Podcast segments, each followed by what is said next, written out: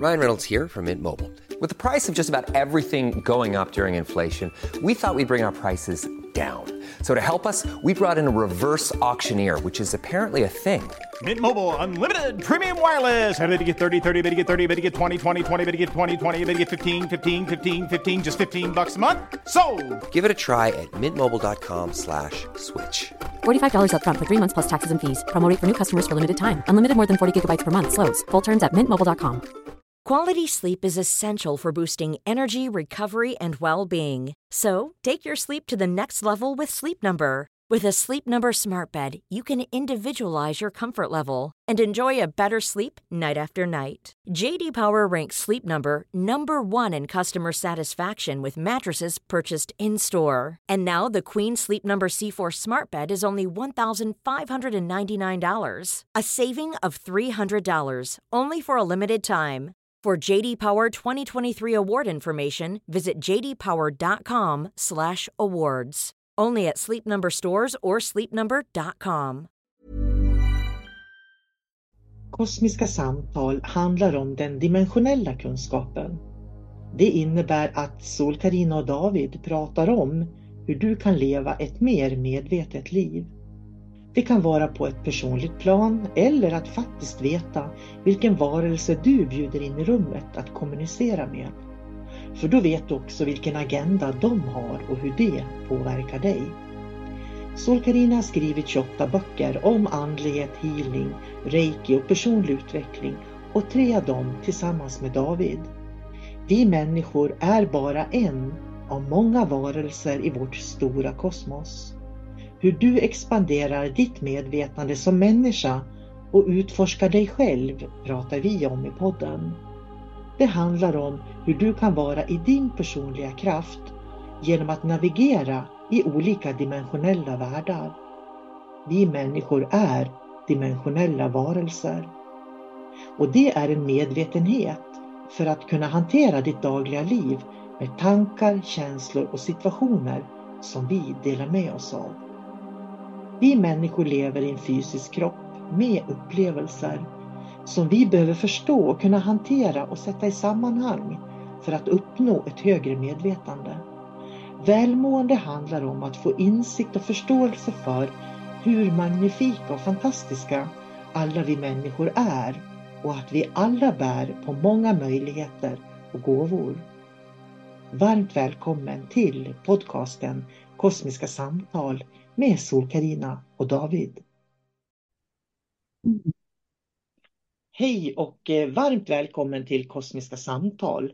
Jag heter sol karina och arbetar som andlig lärare och inspiratör i Sverige. Jag har skrivit 28 böcker och om andlighet, reiki, healing och personlig utveckling. Eh, den här podden har jag tillsammans med min vän David Gran som jag har skrivit tre väldigt spännande böcker tillsammans med. Eh, och både jag och David eh, arbetar med att hjälpa människor att må bra och vara trygga och känna att de kan ja, leva sin inre kraft. Eller vad ska man säga David? Hej förresten. Hej! Ja, det där lät väl eh, jättebra. En kort ja. sammanfattning. Eh, vi vill att ni ska lära er känna efter vad som gör er glada, vad ni mår bra av. Hur, hur, hur ni kan liksom, som du säger, din inre kraft. Det är mm. du som ska styra ditt liv och det är det vi strävar efter hela tiden. Ingen annan ska styra det, utan det är ni.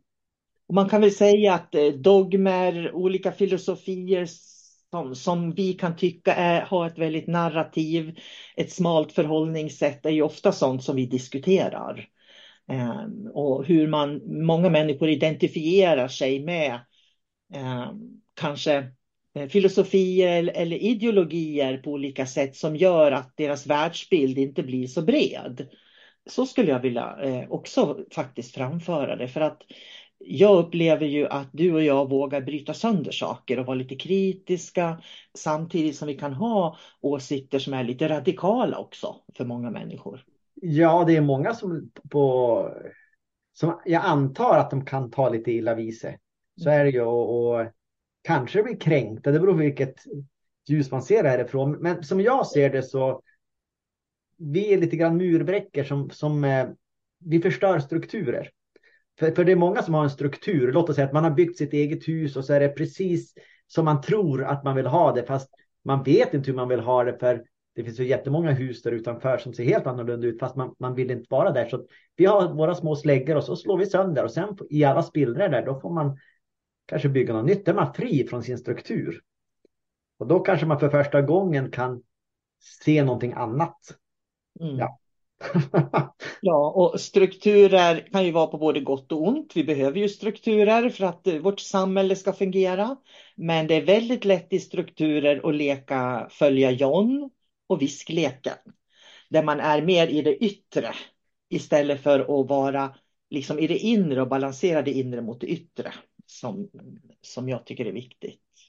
Det är väl lite grann det som är hemligheten också, att när man börjar följa sitt inre och det är per automatik så försvinner ju de här strukturerna och de börjar suddas ut.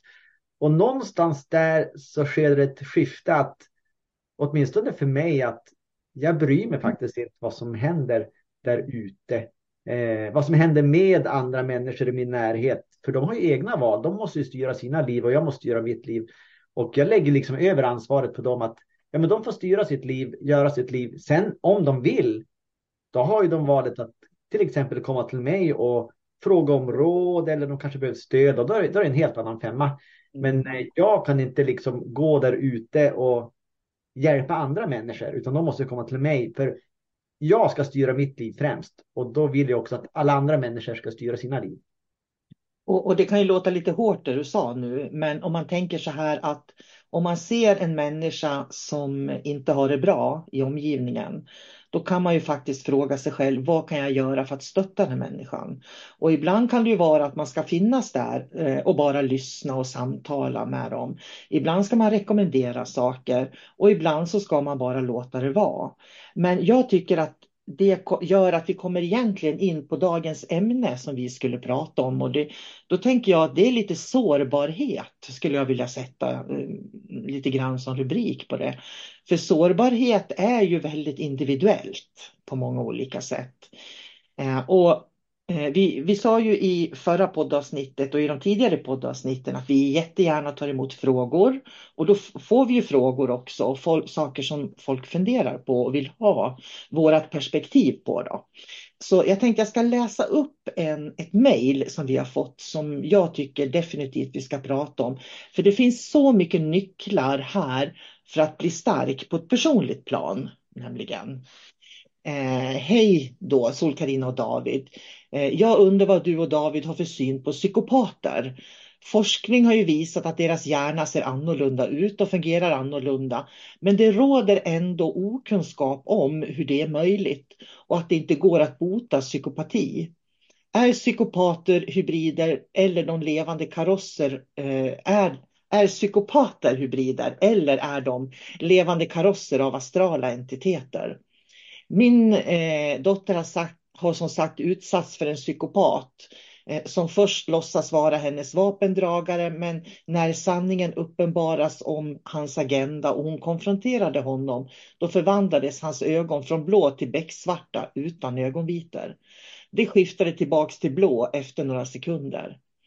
Eh, nu, nu gäller väl kanske shapeshifter inte alla psykopater men det skulle vara intressant att höra ett poddavsnitt om det här utifrån ditt synsätt. Eh, och jag skulle vilja börja direkt då faktiskt eh, med eh, att prata om det här med att, hur ögonen förändras. Och det, det är jätteintressant för att först och främst så ska man veta att vi har ju kärlek och kärleksfulla eh, energier och känslor och uttryck inom oss. Men vi har ju också mörka, elaka uttryck inom oss. Och Eh, om man har följt mig i mina poddar så har man hört att, mig berätta om att jag faktiskt har fått leva med dödshot. Och en av anledningarna som gjorde att jag flyttade så här otroligt långt då från den personen som hotade att döda mig, det var faktiskt att han och jag stod i köket. Och en av mina yngsta söner, för jag hade ju, har ju barn ihop med honom då, en av mina yngsta söner, eh, jag höll han i famnen, han kanske var tre, fyra månader gammal. Och den här personen, han sträckte på ryggen, skrek någonting åt mig, jag vet inte vad han sa, tog tag i, i håret och drog i mitt hår så han fick en stor tuss av mitt hår i sin hand. Och han var alldeles svart i ögonen. Totalt svart i ögonen. Och grejen är den att då går ju inte jag automatiskt och tänker att han har en demon, bla bla bla bla. Så. Utan jag tänker att han är så arg och kan inte kontrollera sina känslor. Så det kan skada mig och mitt, mina barn. Liksom. Eh, och det, det, var, det är en av anledningarna. Han fick aldrig mer komma in i mitt hem efter det. Då. Och sen när, när barnen blev några år äldre så insåg jag ju att mina barn kanske är tvungna att umgås med honom eftersom han då är pappa till eh, mina yngsta pojkar. Och då eh, tog, det var ju då jag tog beslutet att flytta upp till Norrland. Det är därför jag bor i Norrland. Då. Men, så att jag, jag vill, det jag vill ha, förmedla här, det är att man inte ska vara så snabbt att döma. Och liksom att allting som inte fungerar är demoner eller allting som inte fungerar är psykopater. Det finns människor som är oerhört trasiga i sin själ. Och blir en människa riktigt arg så blir de svarta ögonen. Ja, och det kan ha att göra så enkelt med att vi pratar ju om, om eh, hög medvetenhet och då har man liksom, och det är det som vi kallar ljuset också, när man är uppe i ljuset. Och sen pratar vi om motsatsen, motpolen. Det är ju när man är, liksom, är nere i, i eh, den här tyngden, det här mörkret. Och det är ungefär samma frekvens som entiteterna finns och demonerna. Och vi har, en, vi har en relativt tung fysisk kropp. Så när vi tappar humöret, när många människor tappar humöret, så då hamnar vi liksom djupt, djupt ner i den där svackan och då får man de här attributen med mörka ögon till exempel. Och det är egentligen att medvetandet som vi har, det liksom tappar greppet om oss och vi hamnar då nere i mörkret och då, då, då det blir lite grann fysikens lagar, då hamnar vi i den frekvensen. Så det behöver inte betyda att eh, vi har en demon i oss just där och då. Eh, egentligen vad det handlar om det är att den personen har väldigt låg självkännedom, den har tappat kontrollen. Eh, sen kan man säga så också att har man en entitet runt omkring sig så kan den också få en människa att få samma symptom. Eh, men som du sa sol Karina, i stundens hetta, vad spelar det för roll? Om det är en, en demon eller om det bara är att personen har en, en egen svacka, kan inte hantera sina känslor. Är personen ett hot, då går man därifrån.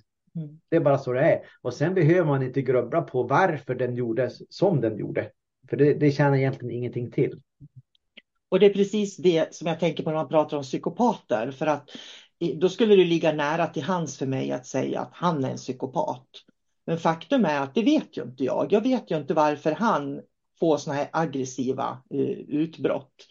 För jag vet ju att han har misshandlat sin, sin fru nummer två väldigt illa också. Så hon flyttade liksom 100 mil åt ett annat håll då.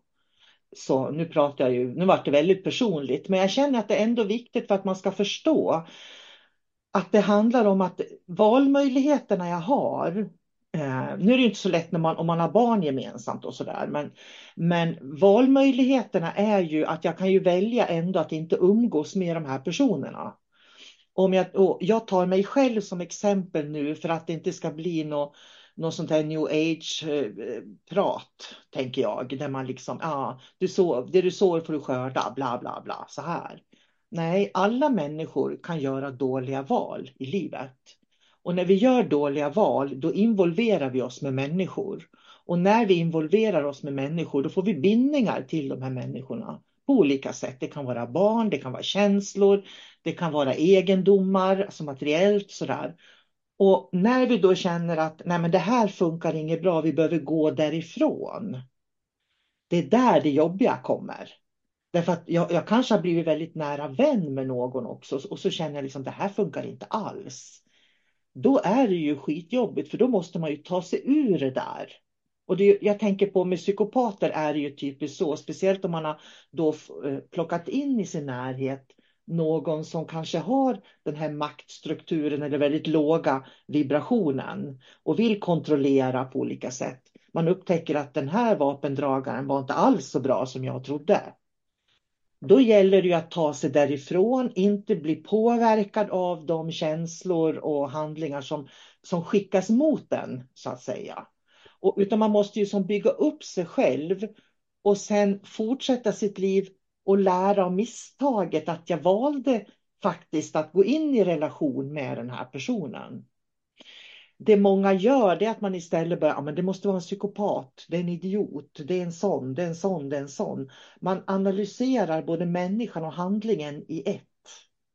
Och, det som händer då, det är då att istället för att fly till exempel eller gå därifrån och fatta ett beslut och så börjar man analysera, ja men den där personen kanske har en, en demon i sig.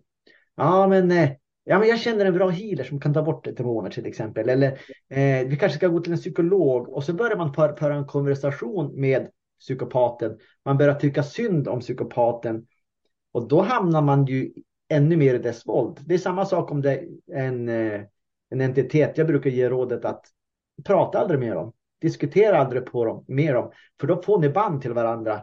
Och det är någonting som man aldrig kan vinna. Man kan aldrig komma vinnande ur eh, den striden när man börjar diskutera och prata med en demon och tro att man ska kunna övertyga den på något sätt. Utan man är egentligen körd. Man går bara djupare och djupare ner i mörkret.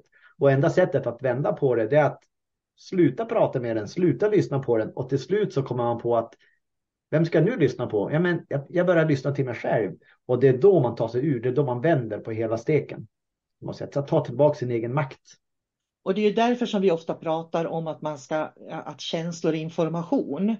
För om jag har en massa känslor inför en person som jag har haft en relation med och det kan ju vara en vän som man har haft under några år eller många år som man känner att nej, det klickar inte längre för att, att vänner försvinner, det är ingenting konstigt. Vänner kommer och går. Så, så är det därför att man, människor utvecklas. Uh, och har man, känner man då att man känner sig liksom besviken eller utnyttjad eller attackerad eller ifrågasatt eller någonting sånt där. Då handlar det om att det är dina känslor. Du måste ju då själv hantera att du känner dig besviken. För ingen annan i samhället kommer ju att hantera dina känslor av att du är besviken. Och det är ju här det tuffa jobbet är. Det är det som är för mig riktig personlig utveckling. Att jag ser vad jag har involverat mig i och så blir det kanske inte så som jag har tänkt mig eller hoppats på. Och så drar jag mig tillbaka och så har jag massa bubbliga känslor för de här relationerna eller situationerna jag har varit i. Men det är ju jag som måste reda ut det hos mig själv och gå vidare. Ja. För mig, jag ska bara säga det, för mig ja. blir det också en form av självkärlek.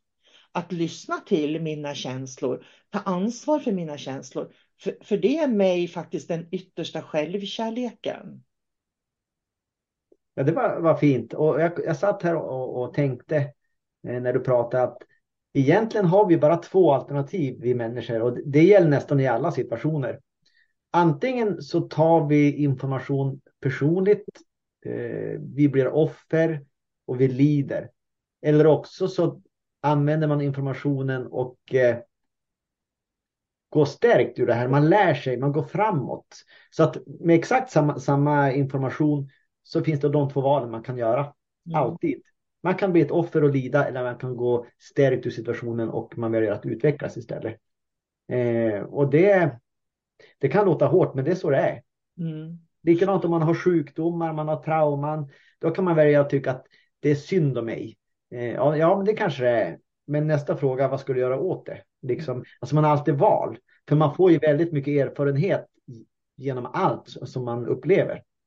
Och vad man gör med erfarenheten, det är det som är väsentligt. Ja, för jag, jag, får ibland den där känslan av att många människor hela tiden ställer frågan varför? Varför händer det mig? Varför drabbas jag av det här? Eh, och det, varför? Det går aldrig att få veta varför egentligen, var allting kommer ifrån tror jag. För att det är så många komponenter som om jag, den här mannen jag pratade om i början av podden, varför han är som han är, ja, jag skulle kunna ha teorier om det. Men jag kommer aldrig kunna förstå hela hans verklighet egentligen. Så därför blir ju liksom ett varför väldigt onödigt. Eh, och då tänker jag också på det här med att människor är så väldigt mycket fokuserade i den yttre världen. För mig är det inte så konstigt att många blir eh, liksom upplever att de möter psykopater och blir överkörda egentligen. Eh, därför att hela vårt samhälle bygger ju på att vi ska lyckas där ute. Liksom, det är ju makten, hela den här yttre verkligheten är ju så mycket makt på något vis att man ska klara av det och man ska fixa det och man ska kunna få en sån lön och en sån familj och, och den pondusen och man, så långt på poddtoppen med sin podd och, och vad det nu kan vara. Det är ju makt bara som människor strävar efter. Och jag tror att eh, vi skulle få mindre psykopater och mindre idioter i samhället, tror jag. Om vi istället liksom börjar eh, titta på, nej men den här personen passar inte mig. Ja men då, då umgås jag inte med den längre utan jag, jag letar lite nya vänner då som jag känner jag matchar bättre med. Du menar att det är lite grann, ja. ja. det är lite grann som i Dallas och de här gamla tv-serierna. Att det är bara intriger. Eh, de umgicks med varandra men förrådde alltid varandra när de fick chansen för att tjäna en extra peng. Då. Eh, och, och, så är det i vanliga livet nu också kan man se. Vänner emellan, kollegor emellan. När chefen kommer in ska det fjäskas lite extra så man ska vara högre i, i rang, se bättre ut i hennes ögon och så. Eh, det där ser man ju hela tiden. Det finns ju liksom alltid människor som tror de, de vet saker om andra människor eh, och vad som är bäst för andra människor. Och kan, en annan människa kan ju aldrig veta vad som är bäst för en annan människa. Så Nej, och jag satt och diskuterade med min sambo igår. Hon pratade någonting i stil med att skaffa vänner på äldre dagar. Mm. Eh, och då sa jag det, jag ska vara väldigt ärlig, att, att jag är ganska jag är kräsen med vilka jag tar in i mitt liv, sa jag. Eh, och jag saknar den gamla goda tiden. När vi, när vi var små, vi hörde ju aldrig att föräldrar, farmor och farfar, de pratade liksom aldrig om sig själva. Eh, de pratade alltid om varandra eller hur det ser ut i världen, så där ute runt omkring. Men det jag hör nu när jag pratar, träffar folk, då pratar bägge två i, i, i en konversation. De pratar om sig själva hela tiden. Typ jag har gjort det här, jag har gjort det här och så speglar man sig bara i den andra. Så det, och, och i en diskussion så är det väldigt ointressant. Alltså man måste hitta gemensamma nämnare, ha något ämne att prata om. För vi delar ju en värld och då är det den världen man ska prata om när man är kompis.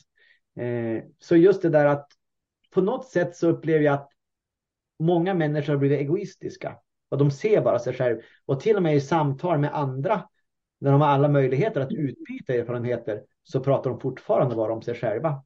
Och det är därför som det är svårt att hitta riktiga vänner kan jag säga, för mig åtminstone. Är man kräsen så då, då, då, då nöjer man sig inte med första bästa.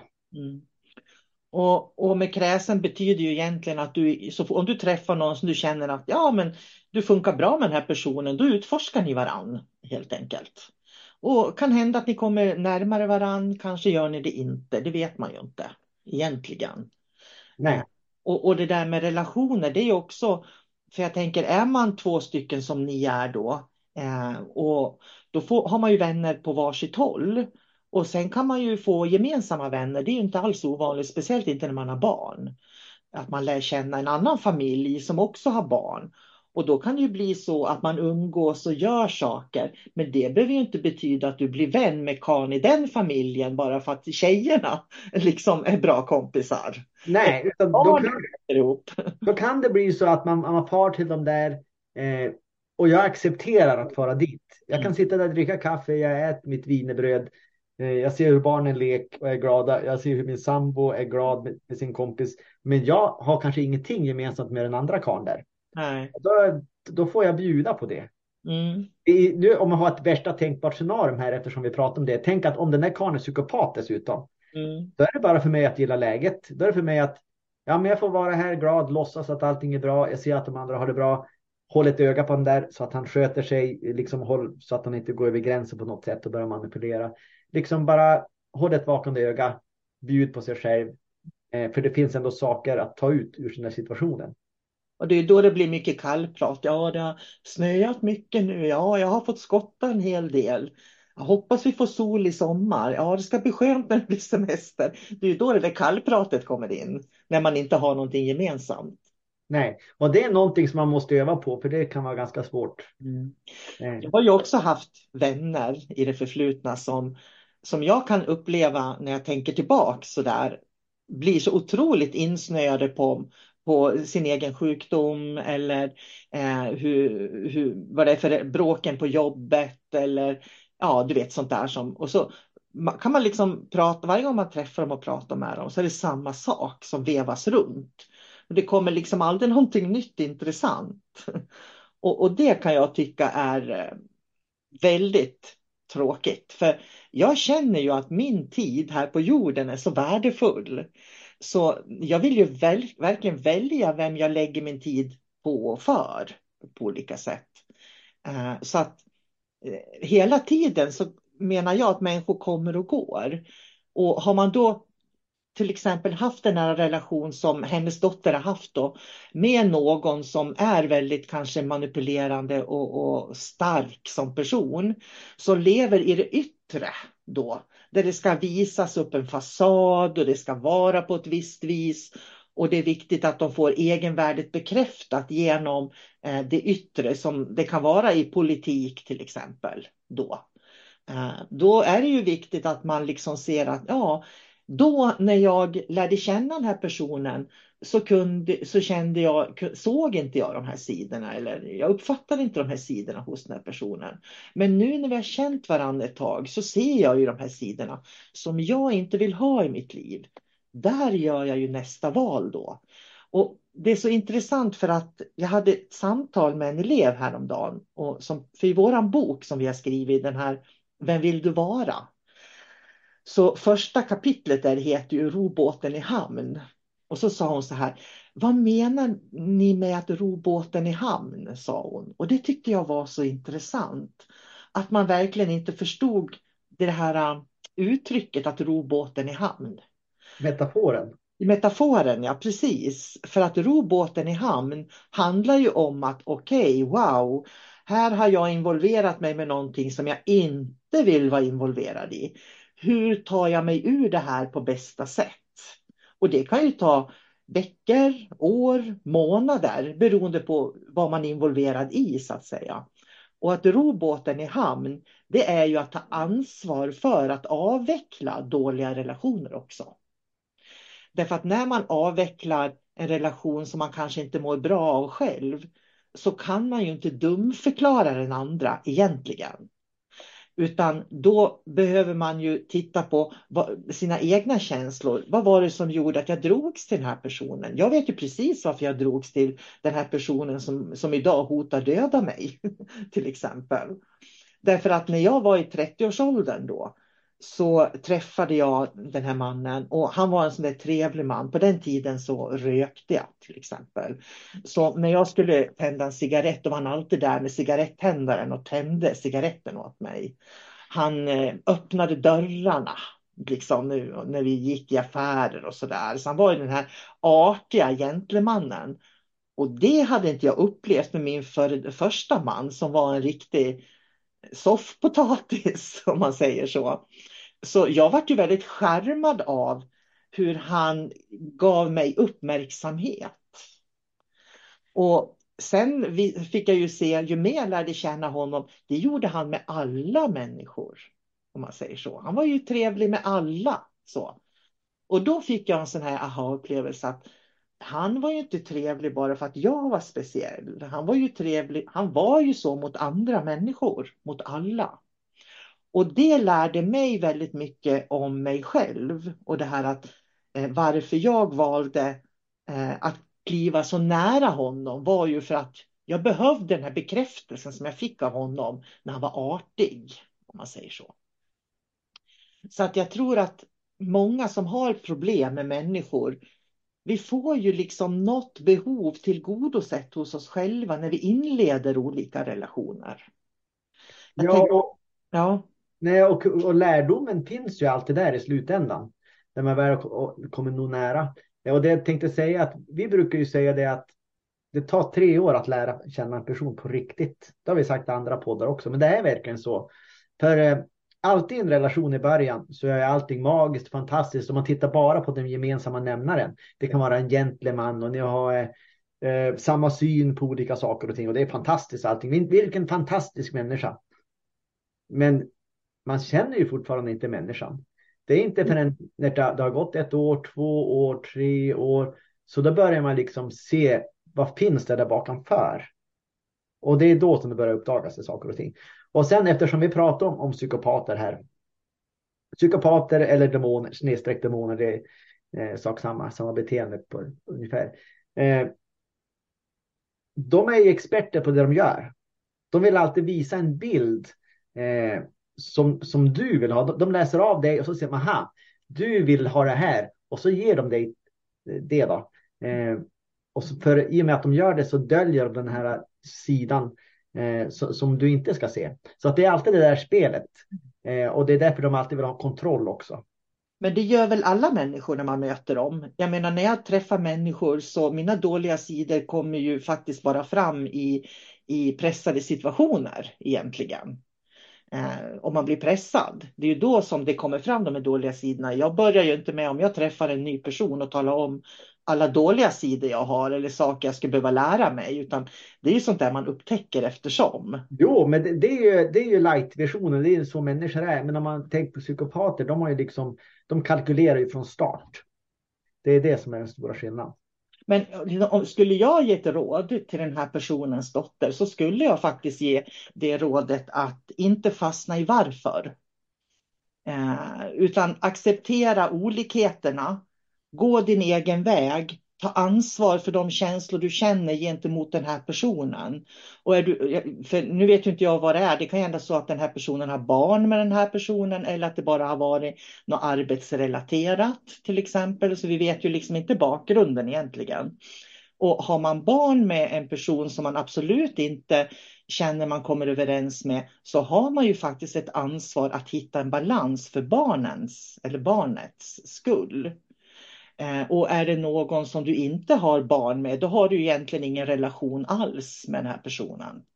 Eh, och då är det ju liksom bara att ta av den som du tar av en gammal jacka och gå vidare. Och när man liksom känner sig besviken eller man tycker liksom att den här känslan av att jag har lämnat ut mig själv, jag har sålt Quality sleep is essential for boosting energy, recovery, and well being. So, take your sleep to the next level with Sleep Number. With a Sleep Number smart bed, you can individualize your comfort level and enjoy a better sleep night after night. JD Power ranks Sleep Number number 1 in customer satisfaction with mattresses purchased in-store. And now the Queen Sleep Number C4 smart bed is only $1,599, a saving of $300 only for a limited time. For JD Power 2023 award information, visit jdpower.com/awards. Only at Sleep Number stores or sleepnumber.com. Ryan Reynolds here from Mint Mobile. With the price of just about everything going up during inflation, we thought we'd bring our prices down. So to help us, we brought in a reverse auctioneer, which is apparently a thing.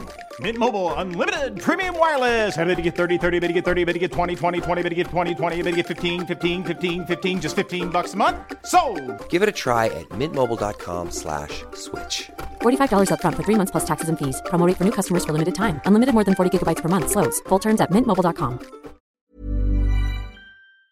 mig själv eller, uh, eller liksom jag, någon har tagit någonting av mig. Ja, men då måste jag ju fylla och laga det själv. Det är ju det. Och det är där roboten i, i hamn, det är där den kommer in. Ja, precis. Som till exempel om man har en relation med en som visar sig vara psykopat och så har man barn.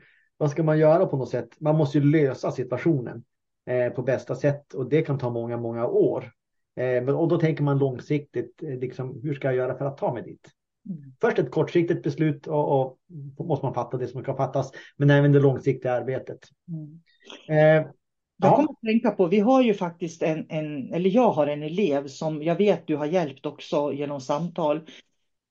Som eh, var faktiskt tillsammans med en psykopat och två barn tillsammans. Och, och han var, om man nu ska prata psykopater så tror jag att han hade, skulle kunna få den diagnosen utav en psykolog. Det är jag ganska övertygad om. Det var ju han som mejlade dig också och han mejlade mig och, och det var en jättemärklig situation. Men hon... Jag tror jag vet vem du menar faktiskt. Ja, och hon var ju liksom, henne, när vi liksom skulle stötta henne att bli stark, så fick hon ju liksom lov och, och hon kunde ju inte låta han komma in i hennes hem hur som helst, utan just det här med att ha tydliga regler när han då skulle träffa barnen och hämta dem då, eller att hämta upp dem så att säga någonstans och sen ska de tillbaks till mamma. Att det var väldigt strukturerat. Så att den personen, en, en sån person kan man ju inte låta komma och gå i hemmet hela tiden. Nej, för det som en sån person eftersträvar som vi sa förut, det är kontroll hela tiden. De ska kontrollera varje situation och det man kan göra är att ta tillbaks sin egen kontroll. Och då, allt efter, eftersom tappar ju den andra personen eller psykopaten kontrollen. Och då börjar den tyna bort på något sätt. Ja. Den kan inte stanna i en relation där, där den inte kan ha kontroll. För ofta så är de i grund och botten så är de otroligt konflikträdda. Mm. Väldigt svaga. Det handlar bara om att när man har liksom eh, genomskådat dem, då brukar de oftast liksom fara därifrån. För de har ingenting att komma med. Och nu måste jag få prata om den här mannen igen då som jag var involverad med för att eh, han, han, skulle ju då ha egen vårdnad om barnen till exempel. Men han har aldrig träffat dem. Han har aldrig ringt till dem. Han har aldrig bett om att få träffa dem. Den här andra kvinnan som har ett barn med honom också då. Eh, där kräver han också att han ska ha egen vårdnad. Och, och liksom drar in henne i tingsrätter och massa sådana här saker. Det är så. Men han har aldrig använt umgängesrätt. Han har aldrig träffat det här barnet. Så det som är så intressant hos den här personen det är att den här personen har, gör allt för att störa och sabotera för mammor. Men har aldrig visat intresse för att träffa sina egna barn. Förstår du? Genuint intresse. För han hade ju haft lika stor rätt som vem som helst i samhället att få umgänge, regelbundet umgänge. Och det hade han ju. Men han tog aldrig det tillfället. Utan det handlar om att ringa och störa och bråka med de här mammorna hela tiden. Och då är det så här, som den andra kvinnan, jag har ju pratat väldigt mycket med henne på telefon då för att stötta henne då på olika sätt. Eh, och, och då, då har det ju liksom verkligen handlat om att släpp honom och hur vill du leva? För att du ska leva ett bra liv med barnen. Och det var ju det rådet som jag gav till den här kvinnan, eh, den här eleven också, att Börja forma ditt liv så att du och barnen har det bra. Och, och liksom, sen när, när man är tvungen då att ha någonting att göra med den andra föräldern då, då måste man ju, man måste ju liksom kommunicera det på något sätt. Och, och de måste ju åka på umgänge, barnen och såna här saker. Men när de kommer hem igen, ja men då är man sin egen familj. Så att jag tänker de här nu som man säger är psykopater som egentligen, vi vet inte varför de är som de är. Det kan ju vara så att de har en otroligt tragisk barndom där de kanske inte har fått så mycket kärlek. Det kan ju vara en sån enkel sak. För en människa som inte får kärlek, som inte får uppmärksamhet eller blir sedd och bekräftad kan ju omöjligt lära sig egentligen hur, att göra det. Utan Eh, liksom att ge det till andra också. Och då tänker jag att då blir det ju någon typ av psykopater, för man lever i det här yttre, den här fasaden hela tiden. Men när det kommer till handling så funkar liksom ingenting.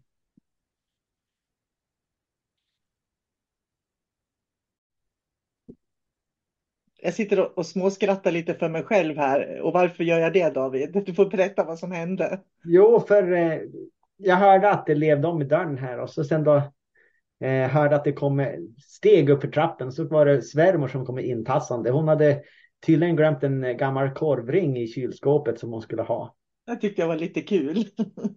ja, jag försöker smyga in och det är inte så enkelt när vi sitter och gör en podd då. Så. Nej. Eh, men jag tänker så här att eh, det vi har pratat om och jag har ju delat med mig lite grann för jag vill att människor ska veta att de, jag tror att de allra flesta människorna har varit med om att de har fått känna de här eh, att de blir svikna eller förrådda eller att man, eh, ja, eh, det är ingenting nytt. Alla människor bär en ryggsäck på något sätt.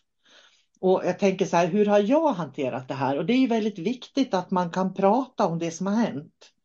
Och jag tänker då på hur vi jobbar för att vårt sätt att arbeta på, det är ju att lyssna väldigt mycket.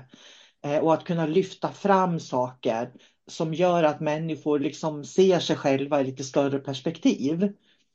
För jag hade ju lika gärna kunnat fastna i någon sorts bitter eh, cirkel för 30 år sedan. Men jag gjorde inte det. Och, och det är liksom det jag vill att människor ska ta med sig. att Vad du än har varit med om eller utsatt för så ska man liksom inte identifiera sig för mycket så man blir det här äh, man har blivit utsatt för. Precis som vi brukar prata att vi är inte våra sjukdomar, det är en del av oss. Liksom. Äh, och istället fundera då, precis som vi har skrivit i den här nya boken, Vem vill du vara? Vem, vem vill jag vara? Okej, okay, det här vart fel, men hur vill jag vara? Och sen liksom svänga på, på det lite grann. Ja, och om vi ska gå tillbaka till början och också tänka hur, hur vill jag att andra ska uppfatta mig? Som om jag ska fara till en kompis. Vill jag att den kompisen ska eh, prata om sig själv och sina problem eller ska jag bara prata om mig själv och mina problem? Hur uppfattas jag då?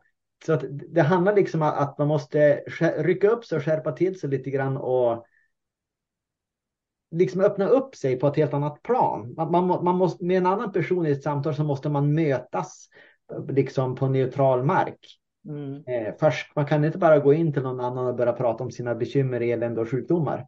Jag menar, vart tar samtalet vägen sen då? Det blir ju ett ältande. Men det är ju den här sårbarheten som det är så viktigt att man hittar rätt terapeut, rätt kurator, rätt psykolog. Så att du hittar rätt person för att kunna ta emot det här som du behöver bearbeta, som du har varit med om. Det, det är jätteviktigt att hitta rätt för att i den branschen som vi är så finns det ju väldigt många, och då kommer man tillbaks till det där med strukturer, som tror att problem man har hör till tidigare liv eller problem du har har du självmant valt. Liksom. Och det finns ingenting som är mer fel. Därför att alla människor råkar ut, råkar ut för saker och, och var det kommer ifrån, det vet vi inte alltid. Det är därför vi inte kan leta det här varför hela tiden. Utan vi behöver fokusera på vart vill jag gå framåt. Ja, för varför, det, det, i princip så är det alltid helt uteslutet att, att, att eh, forska vidare i det. Det finns ingen... Människor, människor är sårbara. Jag tänkte på också det där du sa, för när jag flyttade till Umeå, jag har ju aldrig delat med mig om hur min bakgrund ser ut, så det är väldigt få som vet det och de här i Umeå vet absolut ingenting. Det är ingen som vet förrän jag börjar göra poddar då och prata lite om det på poddar varför jag bor i Umeå. Liksom. Um, och, uh, men, men när man tittar alla de här åren, det är ju liksom som barnen när de har vuxit upp då, så där, det är ju ingen som har vetat varför jag bor i Umeå. För när någon har frågat hur kom det sig att du flyttade till Umeå? Ja, men jag tycker det är en fin universitetsstad har jag bara svarat. Mm. Jag har inte svarat att jag flyttade hit för att jag har varit förföljd och da da da da da da. Så att det, liksom, det är mitt sätt. Vem vill jag vara? Jo, men jag vill vara Sol-Karina som har mina barn här. Det finns en bra förutsättning för mig och barnen i den här staden och hur vill vi leva här? Och det, det är liksom det. Så att det är också väldigt viktigt med hur man kommunicerar och med vem. För att inte förstärka ett gammalt mönster, så att säga. Ja, det är klart att med, med nära vänner så ska man ju kunna prata om sådana här saker. Men, men eh, när man har eh, träffat liksom ytliga vänner så det finns ju ingen anledning att öppna upp sig och liksom berätta intima saker. För det, det, är någonting som jag kan störa mig på faktiskt i det här samhället. Att det är så otroligt mycket prat hela tiden om, om eh, mig och mina problem och liksom eh, vad jag har för identitet och hela tiden. Det är ointressant. Du är en främling. Vi ska, vara på, vi ska mötas på en neutral grund och därifrån så ska en relation kanske utvecklas. Eh, men om någon kommer till mig och säger hej främling och så tar de upp ett A4-papper. Jag består av de här 18 punkterna. Jag menar, vad ska jag göra med det? Alltså då, då, blir det direkt nej tack. Jag vill inte lära känna dig eftersom du trycker upp ett papper i ansiktet på mig. Eh, och det är så jag fungerar, utan jag vill liksom att det, det ska vara ett levande möte, ett naturligt möte. Eh, och då respekterar man varandra. Man kan stanna upp, man kan känna av varandra, läsa in varandra. Eh, det är så det fungerar i, i min värld. Men jag tänker, du sa en grej som jag tycker är ganska viktig, som jag tror gör att människor får det så svårt eh, i vissa relationer. Och det tror jag har att göra med att de just delar intima saker. Vi kanske delar saker med en partner eller en kompis eller sådär som vi inte har delat med någon annan. Och sen när det liksom inte fungerar mellan oss, ja men då, då använder de det som vapen liksom lite mot oss. så. Eh, jag tror att det är där det sårade ofta ligger. I att vi har delat med oss av saker som vi vet att det här kanske jag inte skulle ha sagt. Liksom, så. Eh, och då blir det ännu tuffare med det egna känslolivet faktiskt. Eller oron i, i tankarna vad det ska leda till och, och, och sådär. Och det gör ju också att man inte kan njuta av nuet. när man hela tiden är i en oro. Mm. För jag menar att ta en till exempel en människa som är rädd att en relation ska ta slut. Mm. De vågar ju aldrig älska i en relation. De vågar ju aldrig liksom bjuda på sig själv i en relation för då kanske de tänker ja men det kanske tar, tar slut om två år och då kommer jag bli jättesviken då. Så det är, därför är det bättre att jag liksom är avvaktande nu för en del fungerar ju så. Ja men då är det helt meningslöst att ha en relation nu. Man måste ju kunna leva i nuet också eh, och inte bara leva i en misslyckad framtid. Då kommer den där fånga dagen. det är ja. jättebra. Fånga dagen, det är verkligen lev 100% fullt ut varje dag.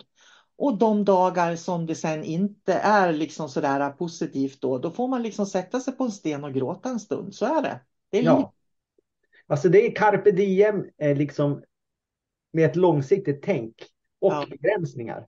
Det, det, var, det var som en, eh, en som jag känner som, eh, han väl 13 tror jag han Han kommer hem, eller hit till mig och så hade han på sig en sån här lapp där det stod en knapp på, på sin skjorta så stod det liksom fri kärlek eller något sånt där stod det på den.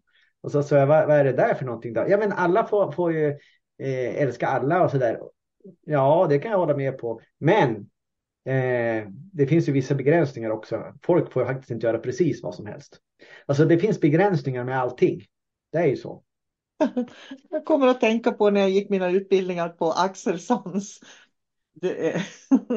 jag vet inte varför jag kommer att tänka på det nu, men det poppar ju upp sådana där saker. Då, då, var det en man som kom fram till mig och så höll han ut armarna liksom så här och så sa han bara Jag skulle vilja älska med dig, sa han. Sådär. Och jag var så chockerad så jag bara Nej tack, sa jag. Jag tänkte på fri kärlek. Jag tyckte det var helt fantastiskt att kunna faktiskt eh, säga det till en annan person. Men också att kunna ta ett nej. Liksom. Eh, apropå fri kärlek. Eh, det kan vara många olika saker. Ja. ja. det kan ju vara otroligt många olika saker. Ja. Så det, det, är bara sånt där som poppar in i mig. Men eh, jag tänker på det här med, med, forskning också. Det är ju också intressant för att eh, forskning ska ju hjälpa på något vis utvecklingen framåt. Men det kan ju också bli begränsningar i forskning ibland faktiskt. Eh, och det jag tänker på det är ju att jag, jag, tänker på det här maktspelet vi pratar om som finns utanför oss i samhället. Att vi behöver liksom dra oss tillbaks till vårt inre och det är därför jag älskar reiki. Jag tror det är därför jag har hållit på med reiki så många år också. För det hjälper mig att vara närvarande i mitt inre. Men det jag tänker på att är man inte kanske connectad med sitt inre och behöver öva på det. Om man är väldigt för mycket i det här maktspelet där ute så tror ju jag att det kommer att påverka kroppens rörelsemönster, kroppens kemiska processer. Så för mig är det inte så konstigt om det med tiden kanske till och med syns på en hjärnskanner eller någonting sånt. Så tänker jag. Nej, för jag, vet, jag är ju ingen forskare. Jag har aldrig skannat en hjärna. Men jag har följt med lite grann i, i eh, eh nyheterna.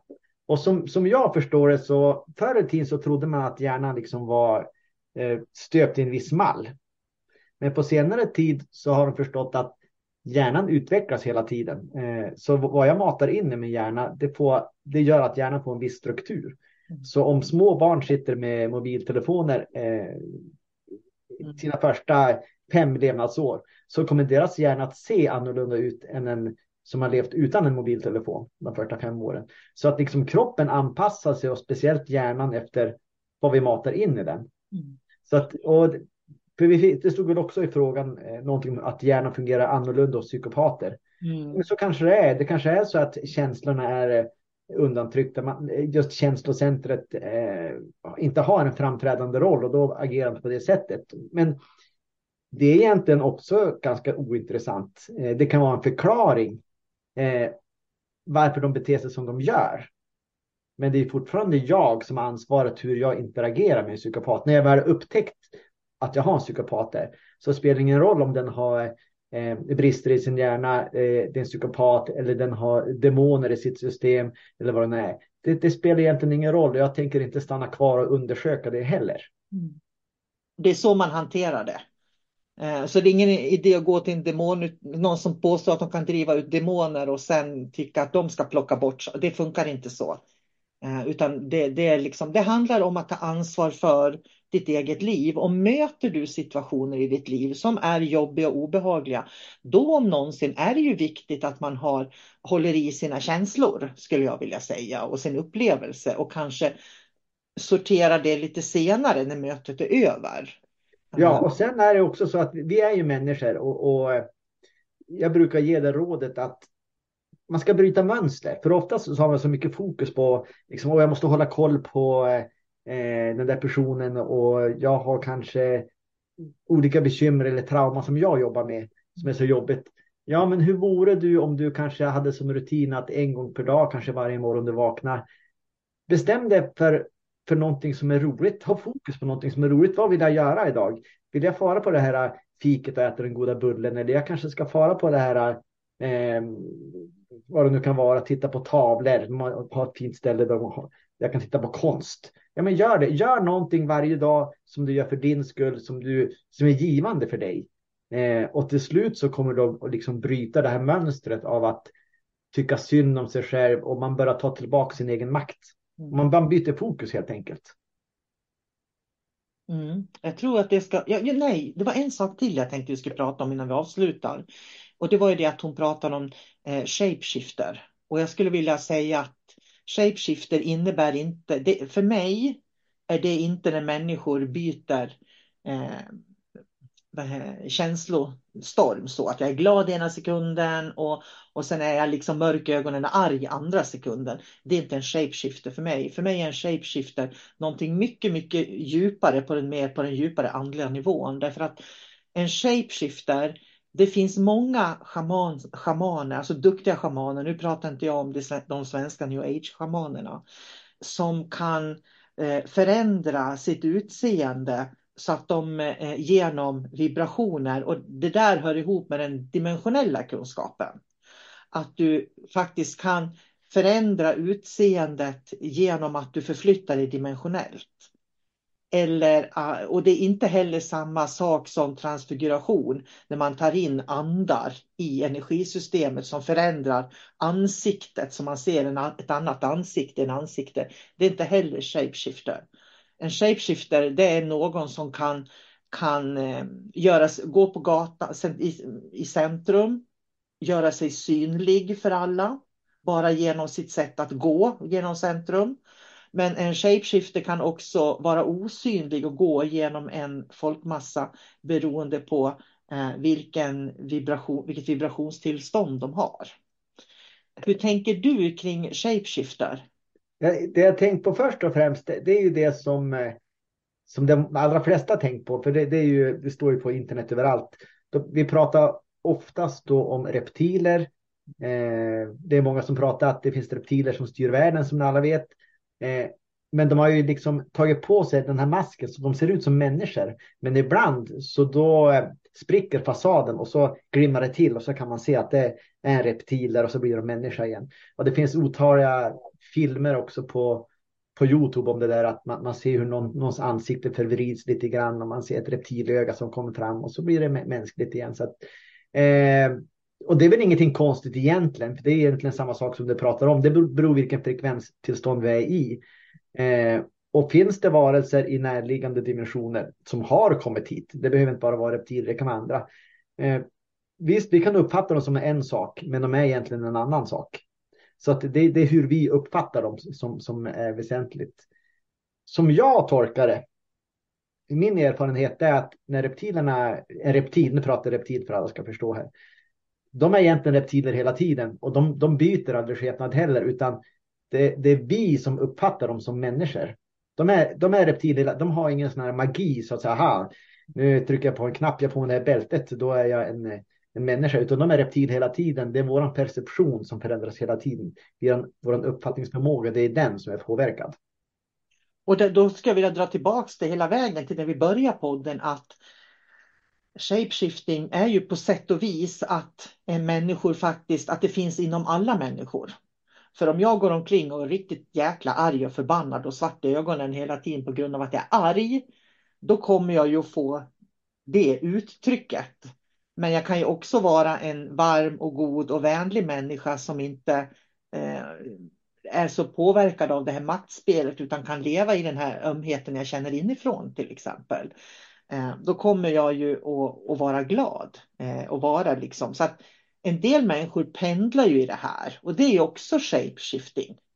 Så man kan prata om att jag är riktigt jäkla arg och, och, och så man blir svart i ögonen och knyter nävarna liksom och, och stirrar och blir rak i hela kroppen sådär riktigt arg. Eller man kan å andra sidan prata om reptiler och utomjordisk påverkan och entiteter. Det är lite samma sak. Det är ju det. Och jag ska berätta en historia om en, en eh, kvinna som jag... Det var ett par år sedan. Och eh, vi hade ett samtal och hon blev efter ett tag jättearg och jätteirriterad. Och jag, jag såg ju att det var någonting med den här människan som förändrades. Så den, den, den sa, hon sa då, gå härifrån, gå härifrån. Men jag var lite full i rackaren så jag tänkte, nej men jag ska inte gå härifrån, jag stannar en stund till. Sen så ändrades ögonfärgen hos den här människan som blev svart. Eh, hon fick en väldigt mörk och annorlunda röst som bad mig dra åt helvete, jag skulle försvinna och aldrig komma tillbaks. Eh, jag försvann naturligtvis inte därifrån, för jag är som jag är. Utan jag stannade kvar där tills hon hade lugnat ner sig. och Så fick hon tillbaka sin ögonfärg och kom tillbaka. Och hon påstår själv att hon inte minns eh, vad hon hade sagt. Eh, och det är ganska intressant. Antingen så var det liksom en entitet som, som eh, ville ha bort mig därifrån som, som var i henne. Eller också så befann hon sig på så pass låg frekvens att mörkret manifesterade sig i henne. Alltså det kom från henne själv då på något sätt. Eh, hon hade något flyktbehov, hon ville inte visa sina svaga sidor och då kom det här mörkret, det här demoniska kom upp som för att beskydda henne. Mm. Och jag menar det där, det blir en shapeshift också, eh, om vi nu ska prata om det. Mm. Det är bara intressant, vad var det som eh, ville skydda henne? Man kan, då, då, kan man börja tänka jättemycket, men nu, det är bara i, då handlar det snarare om att man ville undersöka och förstå de dimensionella världarna och hur de eh, eh fungera på människor också, interagera med människor. Men det är en annan sak. Och samtidigt kan man använda det också för, jag tänker så här, om, om man, det beror på vilken filosofi man har. Om man har filosofin att jag, jag ser och jag förstår de här dimensionella världarna, då kanske man pratar entiteter, man kanske pratar demoner, man kanske pratar, eh, eh, vad heter det? Psykopater. Ja, hy, hybrider tänkte jag. Ja. Men i själva verket så är ju det egentligen eh, beteen, beteenden som finns. Så att oavsett om de finns i en annan dimension, så det beteendet är ju en del av oss också, eftersom vi är en del av allting. Och, och det innebär att jag kan använda den, kunsk, den dimensionella kunskapen, kan jag plocka in direkt i min vardag. Så när jag möter en människa så känner jag igen, jag, känner, jag vet hur hybrider fungerar. Så när jag möter den här människan, då vet jag att den här människan har de här hybridiska dragen då, som människa. Eller jag vet hur demoner fungerar. Så när jag möter en maktgalen människa, då vet jag liksom att eh, det här är den vibrationen. Så den dimensionella kunskapen lär ju oss att sortera bland människor vi möter i vanliga livet som när man ska välja vänner och sådär. Sen behöver ju inte det betyda att de har demonisk påverkan. Men det kan ju också liksom bero på, det är samma frekvenser. Det var det jag ville komma Ja, och sen är det ju också inte upp till oss att värdera liksom, det är en ond människa, det är en god människa. Utan sanningen är ju det att vi, vi, kan ju se det som egenskaper istället.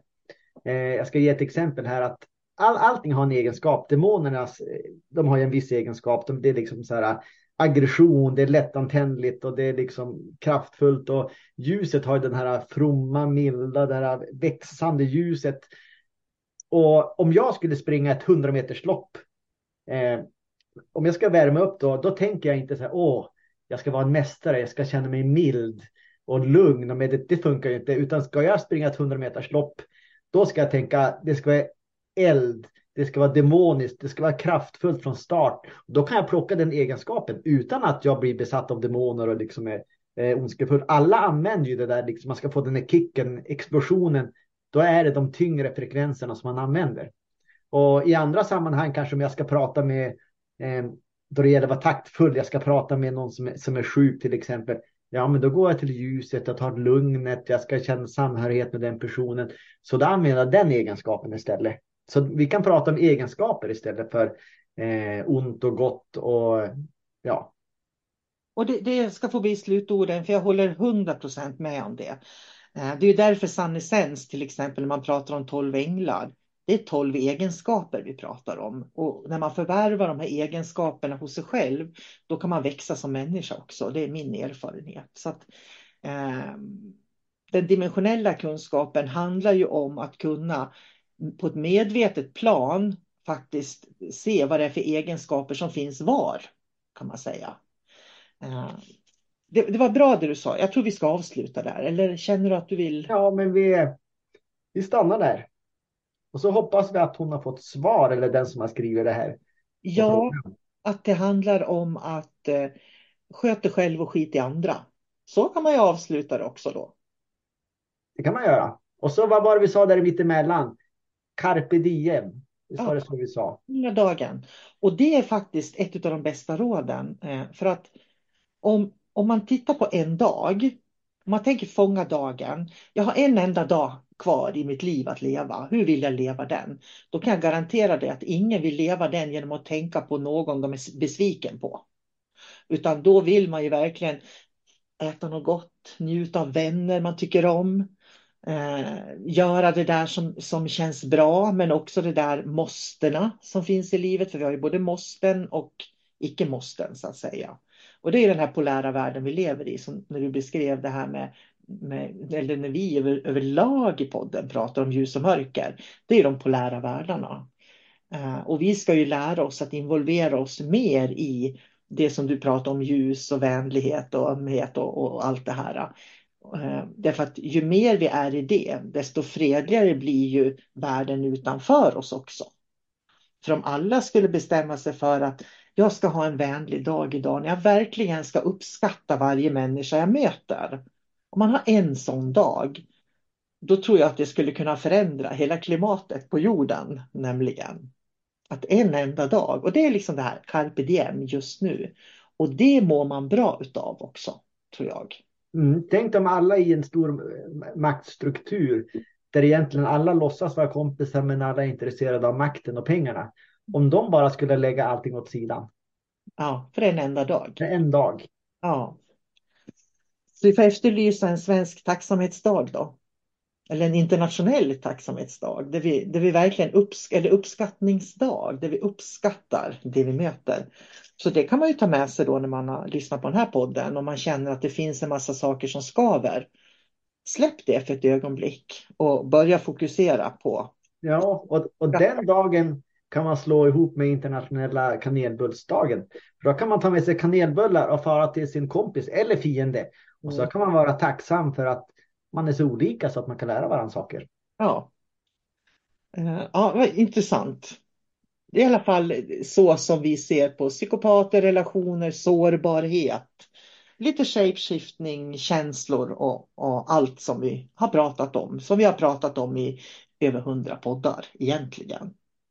Eh, och då skulle jag vilja avsluta med att du som lyssnar, du får ju, är det så att du har saker du vill vi ska prata om eller sånt där som berör dig, så dra dig inte för att eh, mejla mig eller David. För det är inte så självklart allting. Ibland behöver vi få hjälp och få perspektiv. Och vi delar jättegärna med oss av våra perspektiv och våra erfarenheter. Och förhoppningsvis kan du som lyssnar få någon sån här aha-upplevelse som tar dig framåt i livet.